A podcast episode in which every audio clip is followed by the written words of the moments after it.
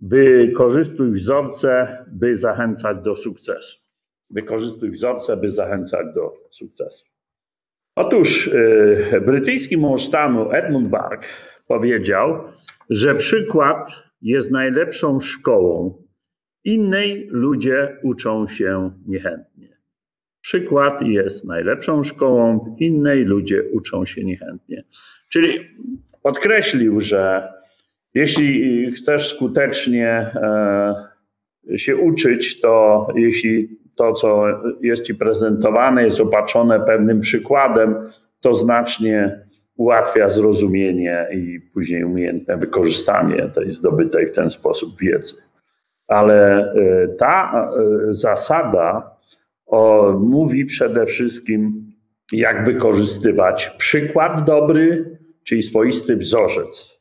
Otóż, jeśli e, w danej firmie jest pewna indywidualność, osoba wyróżniająca się swoimi kompetencjami na przykład, to nie jest to tylko gwarancja, że on dobrze wykona swoje, czy ona dobrze wykona swoje obowiązki, ale także szansa na to, że zespół się wzmocni, ponieważ do tego zespołu będą lgnąć inni ambitni, którzy chcą się od tej indywidualności czegoś nauczyć i być dzięki temu lepszymi. Jeśli mówimy o tej kwestii, to warto wspomnieć o międzynarodowych firmach, które istnieją, które osiągają sukcesy, ale które zbudowane były na tym wzorcu, na pewnej wybitnej indywidualności, na przykład IBM to będzie Watson. Jeśli chodzi o, o inne firmy, Steinmetz na przykład, to będzie General Electric. G. To są wybitne postacie, które były u podnóża założenia tych firm, ich dawno już nie ma, ale w dalszym ciągu ich sława, ich dokonania przede wszystkim mają pozytywny wpływ na rozwój firmy. Bo na przykład w kolejnym pokoleniu młodzi Amerykanie idą do GE, żeby udowodnić, że potrafią więcej zdobyć patentów niż to zrobił Steinmetz. I dzięki temu w kolejnym pokoleniu General Electric ma przypływ e, rzeszy młodych, ambitnych Amerykanów, a to jest podstawa, kadrowa podstawa do wzmacniania, do rozwoju firmy. Więc to jest w innym kontekście pokazana rola wzorca. I tak na marginesie, nie wiem czy Państwo wiecie, kto to był Steinmetz, wrocławianin. Tak, ten facet urodził się w XIX wieku we Wrocławiu. Tam zaczął swoją karierę. E, był w jakiejś mierze kaleką, ale był przede wszystkim geniuszem. Był, e, można powiedzieć, znakomitym inżynierem, ale też wybitnym matematykiem, prawda, fizykiem. Już we Wrocławiu dawał przykłady swoich niebywałych umiejętności. On współpracował, kontaktował się z czołowymi naukowcami ówczesnego świata. No ale doszedł do wniosku, że e, w Stanach Zjednoczonych będzie miał większe pole do popisu i wjechał do Stanów Zjednoczonych. I tam przede wszystkim pracował na rzecz General Electric. To tam blisko 200 patentów uzyskał, przyczynając się w głównej mierze do rozwoju tej firmy. Ta firma umiała wykorzystać jego genialne po prostu rozwiązania jak jeszcze był we Wrocławiu, często spotykał się z Einsteinem na przykład. No i cóż, wrocławianie nie wiedzą, że mają takiego znakomitego rodaka. Żadnej ulicy, żadnej pamiątki po genialnym Steinmetzu. Szkoda. No ale y, o czym ta zasada jeszcze mówi? Ano, mówi o umiejętności, albo lepiej, ucz się od lepszego. Kiedyś go możesz pokonać, ale dzisiaj, skoro on jest od ciebie lepszy, to ucz się od niego. To jest jeden z fundamentów, jeden z głównych czynników udanej, udanego rozwoju cywilizacji zachodniej. Umiejętność uczenia się od lepszego. No i przejdźmy na polski grunt. Jak to w polskiej rzeczywistości wygląda ta umiejętność uczenia się od lepszego? No kiepsko. Opowiada wam się o różnej historii polskich, prawda? Wspaniały naród, męczeński, tyle powstań, tyle walk, prawda? Ciągle poniewierany przez sąsiadów. Czy aby na pewno? Oczywiście, że nas poniewierali. Tylko czy myśmy się do tego przyczynili, czy nie? Czy w naszej ojczyźnie ludzie wybitni mają się dobrze? Czy my, Polacy, lubimy chętnie się chwalić naszymi sukcesami, czy raczej głęboko chowamy je pod kołdrę? Niestety, nasza trudna historia i trudny dzisiejszy czas to jest wynik bezinteresownej zawiści. Przysłowiowa modlitwa Pawlaka, prawda? Żeby sąsiadowi zdechła krowa i tak dalej, i tak dalej. To w nas tkwi bardzo głęboko. Więc ta umiejętność uczenia się od lepszego w polskiej rzeczywistości nie wygląda najlepiej. Ileś lat temu, pewnie już kilkanaście, rozmawiałem z jednym z biskupów, chcąc go przekonać, że powinni eksponować wiernym podczas kazań, że zawiść jest grzechem. Nie przekonałem. A szkoda, a szkoda. Bo to jest wyjątkowo destrukcyjne, prawda?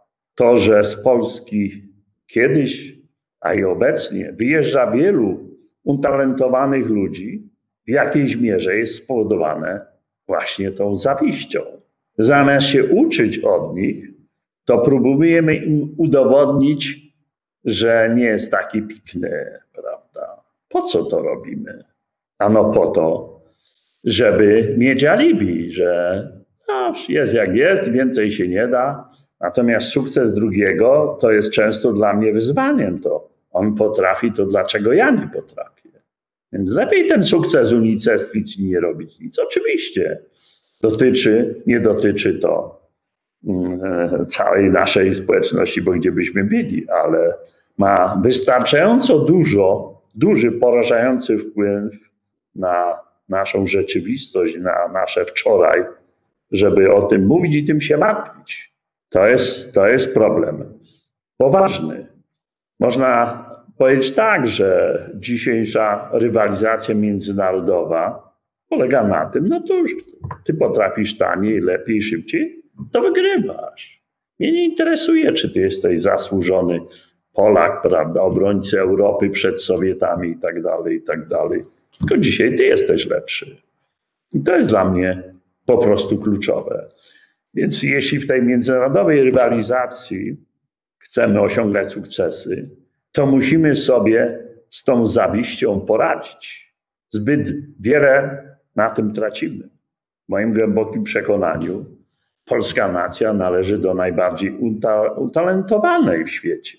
Ale właśnie ta nieumiejętność uczenia się od lepszego, to nie wspieranie lepszych, tylko raczej poniewieranie nimi, wiele zabiera nam z tych potencjalnych możliwości. W imię czego?